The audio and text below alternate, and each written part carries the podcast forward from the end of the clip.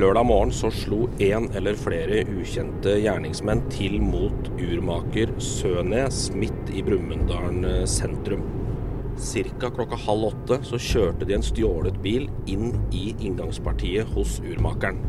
En eller flere av gjerningspersonene tok seg da inn i butikken og stjal med seg en rekke klokker til en foreløpig ukjent verdi. Jeg er nå på vei for å plukke opp eh, kollega Trond Svendsen. Så bli med når HAs kriminalpodkast Blålys følger sporene etter gjerningsmennene. Jeg er på luften. Her på luften? Så spennende. Du Bør kanskje kjøre pickupen din når vi skal jakte ranere. Ja, den, eh, den har stått i hula si lenge nå, så jeg tenkte jeg måtte ut i luften i dag. Nei, ranere og Det er en nokså brutal framgangsmåte, faktisk. Uvanlig brutal. Ja. Men det er jo, det er jo sånn klassisk sånn eh, bilmåten å gjøre det på, da. Det er jo, det er jo et kjent triks. Det, det som jeg tenkte på, det, det første jeg tenkte på når jeg så hva slags bil de har brukt, det er at uh, er det egentlig sånn kjempegjennomtenkt å stjele en supersjelden veteranbil som du er veldig lett gjenkjennelig? Det er jo en bil som eh, Ja, en veldig spesiell bil. Altså en 40 år gammel kabriolet. Vi har slått den opp, og det er jo en 87-modell Golf kabriolet. Ja, ja. Uh, vi snakka litt om det før vi gikk på her, at uh, det er jo sannsynligvis en ganske enkel bil å stjele. Ja, og det er jo det er klart eh, kriminelle sliter litt med nye, moderne biler er, som har sånne keyless-systemer og, og er atskillig mer vriene å få opp biler fra 80-tallet. Er litt mer sånn er litt sånn sesam, sesam, altså. Lukk deg opp. Eh, enkelt å åpne ei dør på en 80, tidlig 90-tallsbil hvis du veit litt hva du driver med. Så. Og dette er en gammeldags eh, Golf. Bilen ble jo stjålet i Hamar, og det ble jo kjent litt utpå dagen lørdag. Og, eh, og har jo da åpenbart kjørt den bilen fra Hamar enten Eller samme natta, da, for den ble jo stjålet i løpet av den natta. Ja, så de har jo tydeligvis tenkt at dette her var en bil de ville ha ta på fersk eh, gjerning, hadde jeg nær sagt. Da. Altså at de, dette er ikke en bil som har stått lagra i påvente av å bli brukt til et brekk. De har henta inn en bil da de trengte den. Eh, Det kan godt hende de rett og slett har gjort det så enkelt at de har kjørt litt rundt og bare rekognosert hvor står det en gammel bil som vi greier å åpne med enkle virkemidler. Det kan være så enkelt som det. Eh, Og at det var helt tilfeldig at den bilen sto akkurat der, akkurat når de, eh, når de kom forbi. Jeg sier dum, for jeg legger jo til grunn at det antageligvis var flere personer her. Jeg la merke til at HA i går skrev gjerningsmannen.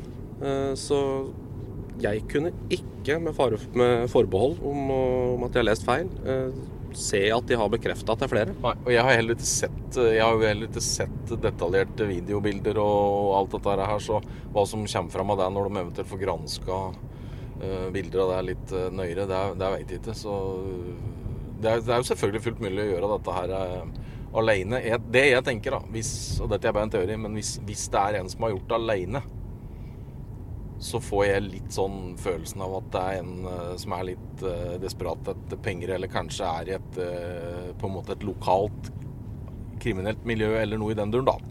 Som, som er i akutt nød for cash eller verdier, i hvert fall. Kan være den type ting. Det som kanskje tar deg litt imot det, er dette her med at det jo helt åpenbart har vært en ventende fluktbil. At det taler for at det har vært mer planlagt. Men litt overrasket blir jeg faktisk hvis det bare har vært én person. Men du har jobba med krim lenge, Trond. Eh, Husker du lignende sjokkbrekk vi har vært borti eh, herover? Ja, vi har hatt noen sånne bil, eh, bilvarianter tidligere. Jeg mener bestemt å huske at det ble brukt bil mot inngangspartiet på eh, Coop Ops på Rushøgda for en god del år tilbake. At den gangen det var en minibank med penger i innafor der.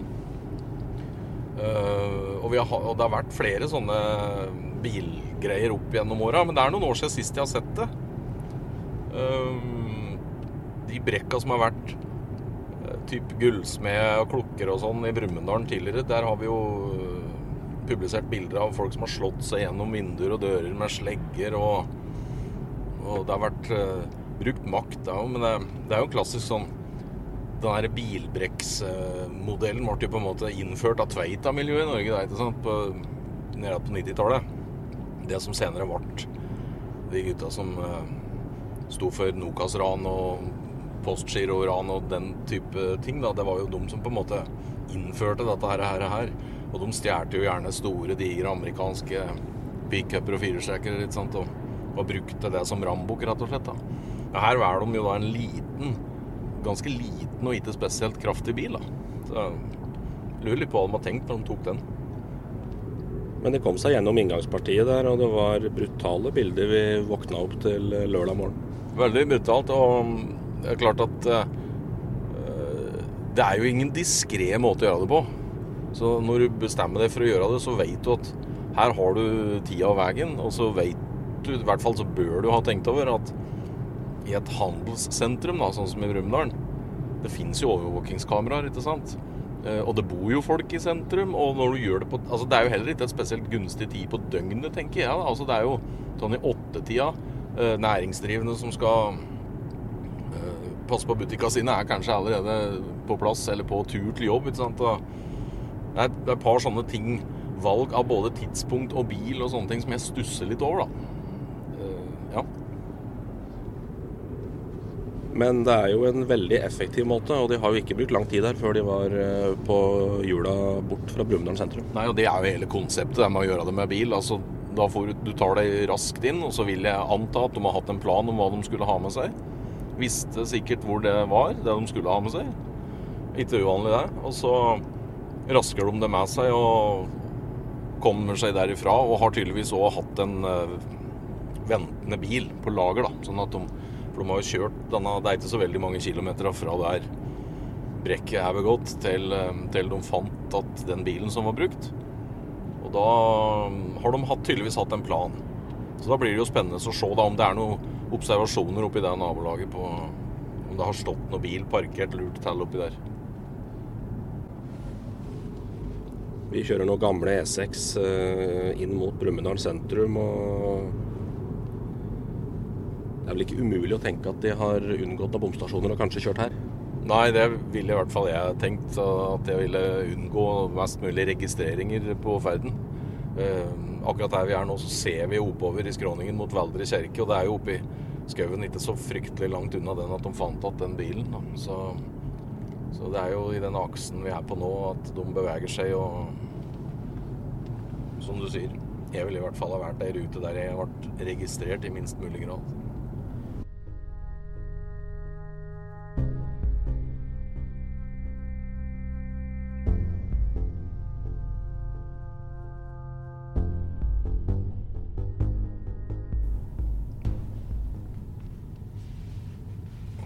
Om noe parkering her. Da. Kan bare kjøre inn ved baksida her, og så bruker å være mulig å kunne stå her.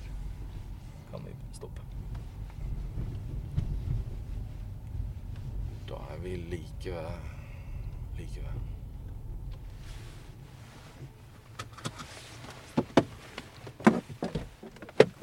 For den som ikke er så kjent i, i Brumunddal sentrum, dette er midt i byen. Nå er vi midt i sentrum. Vi er ved, ved torget og matfatet og det som er kjent som bank, bankbygget. Det er jo interessant å se opp på eh, hjørnet på taket på bankbygget når vi går forbi det her nå. For der ser du eh, to overvåkingskameraer som er vendt bortover i, eh, i den retningen eh, vi skal gå, og i, mot der dette her brekket skjedde. Og dette her er jo nok kameraer som eh, er av betydelig interesse for eh, etterforskere nå. For det har en historikk, og det med overvåkningskameraer i Brumunddal sentrum, det var sterkt debattert når det kom for en eh, ja, mange år siden? Ja, Sju, åtte, ni, ti år siden? Det begynner å bli noen år tilbake at det var, det, jo, det var jo en liten dragkamp faktisk mellom lokalt politi og Datatilsynet på om de skulle få lov til å, å overvåke Brumunddal sentrum. Datatilsynet var kritisk. Mente at det var ikke nok kriminalitet og det var ikke nok argument for at eh, folk skulle på en måte overvåkes kontinuerlig. da. Nå er vi jo eh, framme ved åstedet i går. Og her har det skjedd ting. Her er politisperringene borte. Det er satt inn ei ny dør, det er satt inn sponplater, og det ser tilforlatelig ikke ut som det har skjedd så veldig mye her. Lagd et uh, provisorisk nytt uh, inngangsparti, rett og slett. Som, uh, som gjør at de kunne låse og være, være lukket etter at det ble eh, det gamle inngangspartiet. Dette der, Jeg tenkte faktisk på det. Det var sånn For nostalgikere da, så må dette her inngangspartiet som ble ødelagt der i går, det må jo være fra, sånn fra 50-60-tallet, tror jeg. Det var gamle ting. Jeg tror butikken har vært her siden 52, syns jeg de sa i går. Det kan sikkert stemme, altså. Det kan sikkert stemme. Så Hvis vi ser rundt oss nå, da, så ser vi at vi på hjørnet oppe ved mølla der, så ser du at det henger skjelt på veggen for at, om at området er kameraovervåka. Og det indikerer vel at det er noen kameraer som kanskje kan komme til å dekke denne her retningen vi står nå. Vi ser i hvert fall ett av de på banken går, ser rett på oss. Vi kan vinke og si hei. Ja. Det, det kameraet det er helt opplagt en veldig god kilde til informasjon. For det peker rett ned hit. Og hvis kamerakvaliteten på det er sånn noenlunde som moderne kameraer er, så bør det være kjempeinteressant. Det, det er klart at Der har de helt sikkert sikra seg inn uh, informasjon allerede. Og så står vi jo også midt i et kryss i det som er altså da, Hvis vi tenker at det går fire gater ut fra det krysset, så er alle de fire gatene gågater. Eh, vi ser i ene enden opp mot brua, så er det sperra med store blomsterkasser. Vi ser nedover mot Circle K, så er det sperra med blomsterkasse. Men hvis du ser eh, oppe på Hvis du tenker deg fra Mølla, da, kjøpesenteret Mølla, så er det jo ikke noe problem å kjøre en, eh, en liten bil inn, inn her. Så det er jo fullt mulig. Og det, her er det jo kort vei ut igjen òg. Det er eneste veien de kan ha kommet, faktisk. Jeg tror ikke du kommer gjennom de andre. Ja, ja, kanskje, men eh, Nei, jeg, jeg, for meg så er, Det er den mest logiske adkomsten for meg i hvert fall å tenke på sånn helt umiddelbart, er fra parkingsplassen ved, eh, ved Mølla kjøpesenteret. Og så ser vi, hvis vi snur oss 180 grader fra urmakeren, og optikeren, så ser vi at det er en tre-fire leiligheter med balkong. Ja, og her har du jo jeg pratet på i stad, at jeg syns at tidspunktet de velger, da, er, er uh, snodig. Fordi at du risikerer at uh, folk er uh, våkne og oppe. ratt kunne noen stå på balkongen og ta seg en røyk eller en morgenkaffekopp. ikke sant? sjansen for det hadde jo vært mye mindre hvis du valgte å gjøre dette her i tre-fire-tida på natta. så det stusser jeg litt over. det får meg til å stille spørsmålstegn ved liksom, profesjonaliteten i det hele. Og det har jo også HA referert, at eh, det var ei mor og ei datter som våkna av dette smellet som eh, begynte å Når det ble kjørt inn i inngangen her. Eh, der var dattera først ute på balkongen. Det er nok en av de vi står og ser på her. Og det er virkelig utsikt til, til drama, altså. For at, og da ble dattera kommandert inn, mens mora til å ringe politiet. Mens mora fikk vel filma hendelsen, tror jeg, så vidt jeg vet. Ja. Og det er klart at det er som du sier. Eh, du snakker om en balkong med utsikt, men altså stort bare Det er jo 15 meter liksom unna, og med helt kongeplass over, over hele happeningen. Så nei, igjen, jeg stusser over eh, valget. Hvis vi ser litt inn i butikken, da, Trond, så får vi se om det er om vi ser noe rester etter noe, holdt jeg på å si. Her er det i hvert fall et Certina-skap som det ikke er det eneste klokke i. Ja, ikke sant. Det eneste som ligger igjen der, det er glasskår.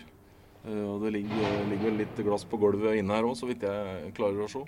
Eh, du ser jo på betongen og pussen på utsida her òg at det har gått litt hardt for seg. Det er sprekker og, og setningsskader i veggen.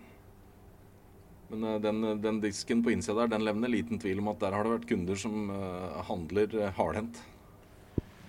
Vi ser eh, bare to meter på innsida av butikken så står det et uh, Certina-monter som er fullstendig knust. Der er det ingen klokker igjen. Det er også et uh, høyskap bak som er helt tomt, men så er det et høyskap rett ved siden av det som er fullt. Ja, og her, Nå vet jo ikke vi om dette skapet sto plassert akkurat der under brekket. Men det er klart, hvis dette har stått der, så er det liksom to meter innenfor døra.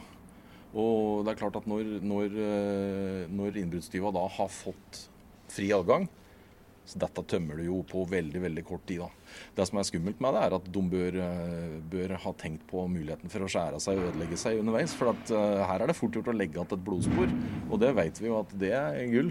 Det er, det er, vi har jo en sak fra rett borti gata her fra 2011 der et blodspor førte til oppklaring av en veldig, veldig veldig brutal Det, det var jo et ran faktisk av en gullsmed. Jeg er ingen klokkeekspert, men det er jo forskjell på dyre klokker og veldig dyre klokker. Ja, og hvis du tenker omsetningsverdi, da, og tenker etterspørsel, eh, og så er vi jo vant til å tenke på en måte at uh, dette kan allerede være på tur utenlands. Det er en ren gjetning og spekulasjon, det. Men det har vi jo sett mange, mange, eksempler på tidligere, at ting går til markeder i, østover i Europa og blir omsatt. Og så er det som sagt det er bare helt fullstendig spekulasjon om det kan være tilfellet i denne saken. Altså. Nei, Hvis vi beveger oss langs uh, fasaden her, så, så, hvis vi kommer oss inn i det som kanskje er da optikkeravdelinga av, uh, av, bedriften, så er det ikke rørt et eneste brillepar, ser det ut som. Nei, og det, det er klart at Solbriller og sånn er jo omsettelig på, det, på dette her svarte bandittmarkedet. Men her ser i hvert fall de montra som står her nå, ser ut til å være helt urørt. Og der og på veggen mot uh, mølla så er det også et monter som er, uh, ser ut til å være helt tømt, i hvert fall. sånn at det virker å være ganske selektivt hva de har vært ute etter. For det er, ja, så vidt vi kan se, tre uh, montere som er raida, og ja. tre montere som står igjen med, som er fulle av klokker. Ja, og da Det kan jo indikere at de har sondert før. Du ser jo hvor lett det er å gå forbi vinduet her og se hvor, hvor ting står. Du trenger ikke engang å gå inn i i forretningen og på en måte risikere å bli eksponert. Det er nok at du går forbi vinduet her på, på kvelds eh, nattestid og kikker inn, og så ser du jo, ser du jo hva som finnes. Hva anser du sjansen for å oppklare det sånn som vi har stått og sett på her? Jeg tror den er god. Uh, her er det mange ting du kan gå på, egentlig. For det første så har du jo gode observasjoner. Uh, det er om å gjøre å få sikra ting i den bilen. Det kan være DNA i den bilen fra gjerningsmann, skråstrek gjerningsmenn. ikke sant? Eh, det kan være at de har etterlatt fingeravtrykk på ratt, girspak. Det kommer litt an på hvor flinke de har vært, eller han eller de har vært til å bruke hansker. Eh, det er nok at du kan miste et hårstrå eller noe, så, så er det mulig å finne DNA. Eh, det vil helt sikkert gjort bli gjort undersøkelser opp mot hvilke mobiltelefoner som har vært i området her, som, hvilke som har slått inn på basestasjoner.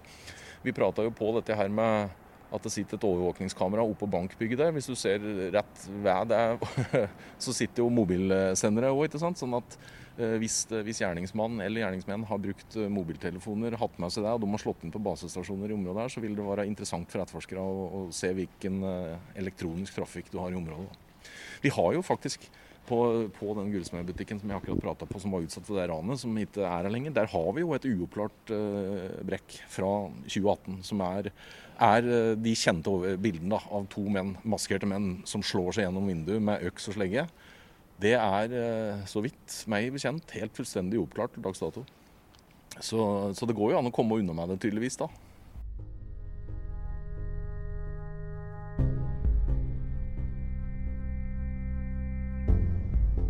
Jeg tenkte at vi skal prate litt om det som skjedde rett borti gata her først. For at vi har en, eh, Brumunddal har en litt sånn uh, interessant historie på dette med brekk mot gullsmeder. Uh, den butikken er vel ikke her lenger nå, men i mange år så eksisterte gullsmed Petersheim i Brumunddal. Det var en lokal, lokalt drevet og eid gullsmedforretning som har vært utsatt for en lang, lang rekke brekk opp gjennom åra. og vi prata litt på dette med blodspor. Og eh, nå kommer vi bort hit der den, eh, der den forretningen var. Og i eh, våren 2011, mars 2011, så kom det en mann inn i butikken som er der vi står nå. Og kom inn i butikken og holdt en rosebukett foran seg, en bukett med gule roser. Um, og overraska hun som var på jobb i lokalet. Hun ble uh, tatt med på bakrommet, ble bønnet, fikk munnen teipa over. Og mens de forsynte seg grovt med, av varer for betydelig beløp. Uh, et veldig veldig stygt ran som, har, som jeg vet har vært en stor belastning for hun som ble utsatt for det. Hun har jo sjøl forklart seg om det i, i rettssaker og sånn. Det som skjedde, var at de, eller han gjerningsmannen, han ene gjerningsmannen, han skjærte seg underveis i dette ranet og dryppa noen mm, dråper med blod. Slik at etterforskere fikk sikra seg DNA. Og lenge var, den, var disse her eh, ranerne over alle hauger. Men høsten 2011 var det ei trafikkulykke i Värmland, området Kiel. To litauiske menn som kjørte av veien. Eh, svensk politi rykka ut, tok personalia, sjekka disse her kara som var i bilen.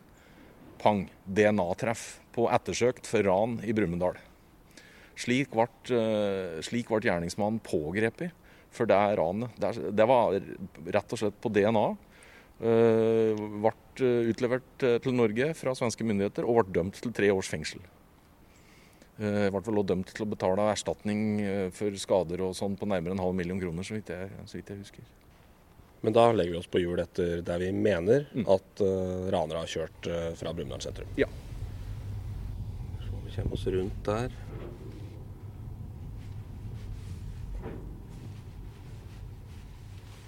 Nå står vi bak Mølla storsenter. altså Det blir den vestre inngangen, da, Trond. Ja. Uh, og her uh, er det sånne betongsøyler.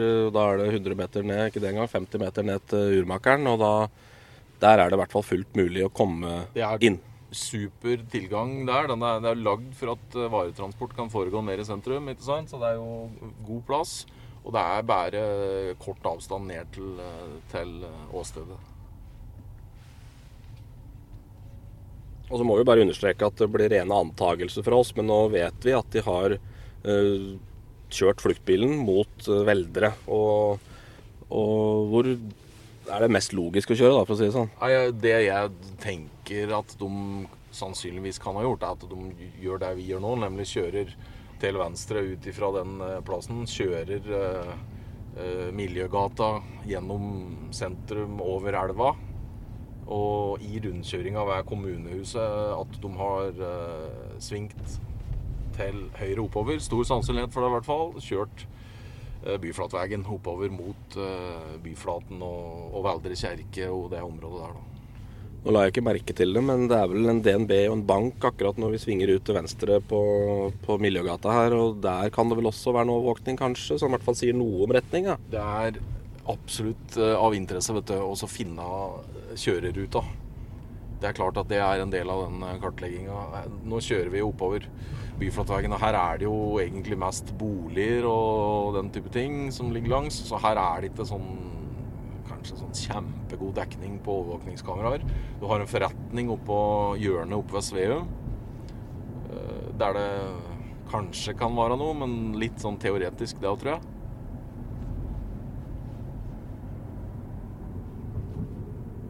Og her har det nok ikke gått i krabbetempo. Antagelig ikke. Altså, men det som er, sant? Hvis, hvis, de har kjørt oppover her sånn i åttetida, så er jo her er jo sjansen stor for å bli sett, da. For her er det jo Det bor jo masse folk. Eh, noen er kanskje ute og lufter bikkja tidlig på morgenen. Og kjører vi forbi den forretningen, den Spar-forretningen som ligger, ligger, her. Og her har de sikkert bare kosta forbi, og vi kjører jo Kjører jo videre forbi innkjøringa til Sveum idrettsanlegget og oppover mot Byflatveien her nå. Og det er klart at her har du jo da på en måte litt mer sånn fri passasje. Når du kommer oppover her, så er det litt færre øver og atskillig færre overvåkingskameraer. da.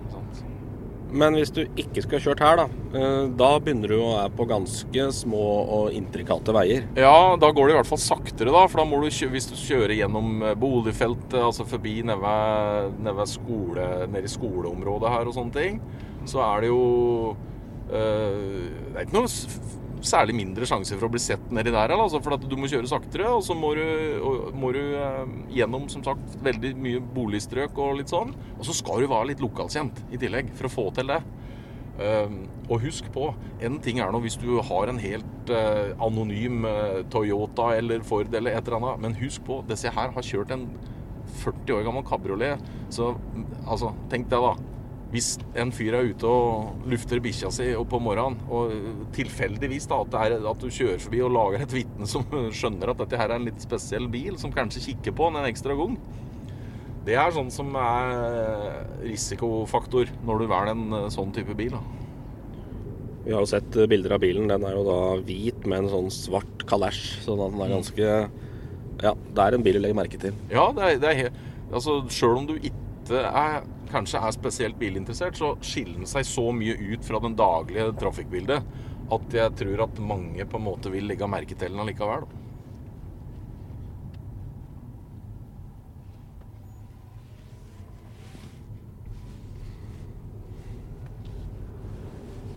Men her ser vi at uh, i enden av, eller midt i boligfeltet her, så kommer vi til uh, lysregulering og, og veiarbeid. Og for her uh, graves det og er litt sånn aktivitet i, i, grøfta. Jeg vet ikke i hvilken grad det kan ha påvirka denne flukten i særlig grad, men Du kom ikke forbi to der, så klart hvis det står en som akkurat har fått grønt på andre sida, så vil jeg tro hjertepumpa går litt. Ja, og da er igjen da muligheten for å bli observert til stede, ikke sant masse sånne punkter oppover her som gjør at du kan bli eh, hefta og bli forsinka i den flukten. For det er klart at du er jo stressa på dette tidspunktet her. Når du akkurat har, du akkurat har kjørt gjennom et butikkvindu og raida den butikken, så er det klart at uh, pulsen ligger ikke nedpå hvilepuls. Ikke sant? Det er, jo, det er jo litt stress. Men hvis vi tenker da, du har eh, Hvis du kjører ut på E6 eller på gamle E6, som du kan ta i hvert fall en god stubb mot Hamar, så så, så er du uh, ute av kommunen og, og unna syne, i hvert fall med litt mer i mengden, ganske fort. Er du overraska at de har på en måte kjørt lenger inn, og, og på en måte ikke støkket av? Ja, det, det, jeg, jeg har ikke helt klart å bli enig med meg sjøl om hvordan jeg skal på en måte lese av den beslutningen. Uh, for hvis du tenkte da at hvis tanken var f.eks. at du skal ut av landet med det, så ville det kanskje vært eh, greit å hatt en eh, fluktbil stående en annen plass enn, enn oppi her, for du kjører på en måte i gæren retning. Så, så, hva en skal lese ut av det, det er neimen ikke godt å ete, altså. Det er en del skilt med omkjøringsvei og stengte veier, så hvis du ikke er kjent der, så, så skal du nå være sikker òg. Ja, og det er derfor jeg tenker at hvis de, hvis de er, ikke har til, lokal tilknytning, da, at, så tipper jeg at de har kjørt den veien vi kjører nå. Um, for det er den enkleste, og det går fortest. Og da kommer vi opp til krysset ved Kirkekretsen skole. Ja. Og da skal vi. Skal vi til venstre i retning Veldre kirke. Her er det nok et skilt med at Ellevseterveien er stengt litt lenger oppi, oppi lia her. Ja. Du har hatt fin utsikt på flukten da, Trond? Det spørs om de har hatt tid til å nyte det. Jeg er veldig usikker på det. Det er generelt veldig fint oppi Valdre her. Jeg klarer nesten aldri å kjøre denne retningen her bort mot kjerka der uten å tenke på åssen det så ut der den morgenen den gamle brant. For det, der var jeg. Det husker jeg veldig godt. Vi passerer jo nå den nye, nye Veldre kirke. Veldig klassisk Hedmarken-landskap, ikke sant. Garder. Uh, helmbunter på jorda etter at de har trøska. Typisk høstlandskap på Hedmarken. Og akkurat her er helt fantastisk utsikt utover Brumunddal og Furnesfjorden. Da skal vel vi antageligvis ta inn til høyre her, tenker jeg, hvis dette er Storlisvegen. Det er det, og da tar du rett og slett eh, av det som er hovedveien, egentlig. Mm. Og plutselig er det slutt på hus, og det er jorder og tett eh, granskog og Ja, dette er, dette er, jo Her blir det med samme du kommer vekk fra asfalten oppover her, så er det på et område her det stort sett er det ligger noen eiendommer innover eh, inni her på, langs noen smalere veier. Og så er det stort sett ellers gårder og gardsbruk, da. Sånt. Da lurer jeg på om det er her. Jeg tror kanskje det var på høyresida av veien oppi her. Ja, kanskje.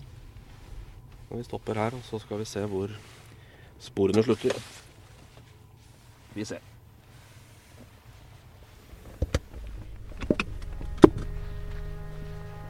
Her går det inn en liten stikkvei mot uh, Som er uh, ja, mot stor, Storlisdammen.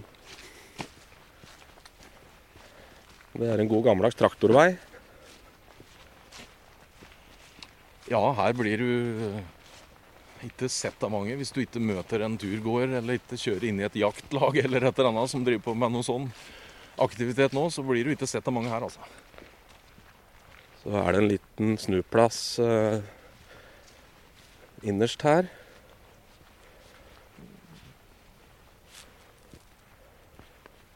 Her er det hvit pulver på bakken.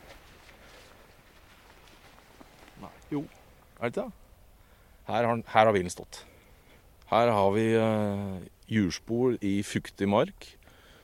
Og de forsterkes av etterlatenskaper av hvitt pulver som er blitt grått i frosten over natta. Jeg vil anta at de har tømt et brannslukkingsapparat. Ja. For da har de kjørt den bilen inn fra Storlisvegen, inn på den turstien noen Jeg vet ikke, hvor langt gikk vi? 100 meter? Knapt. Og opp um, en slags rampe der det er ei steinrøys. Rett og slett en gardbruker som har ei steinrøys for å tømme stein på. Og Der har de parkert bilen, og så har de spredd det pulverapparatet over. Bilen er jo borte, selvfølgelig, men det er jo, det er jo ikke vanskelig å se at det har vært trafikk her.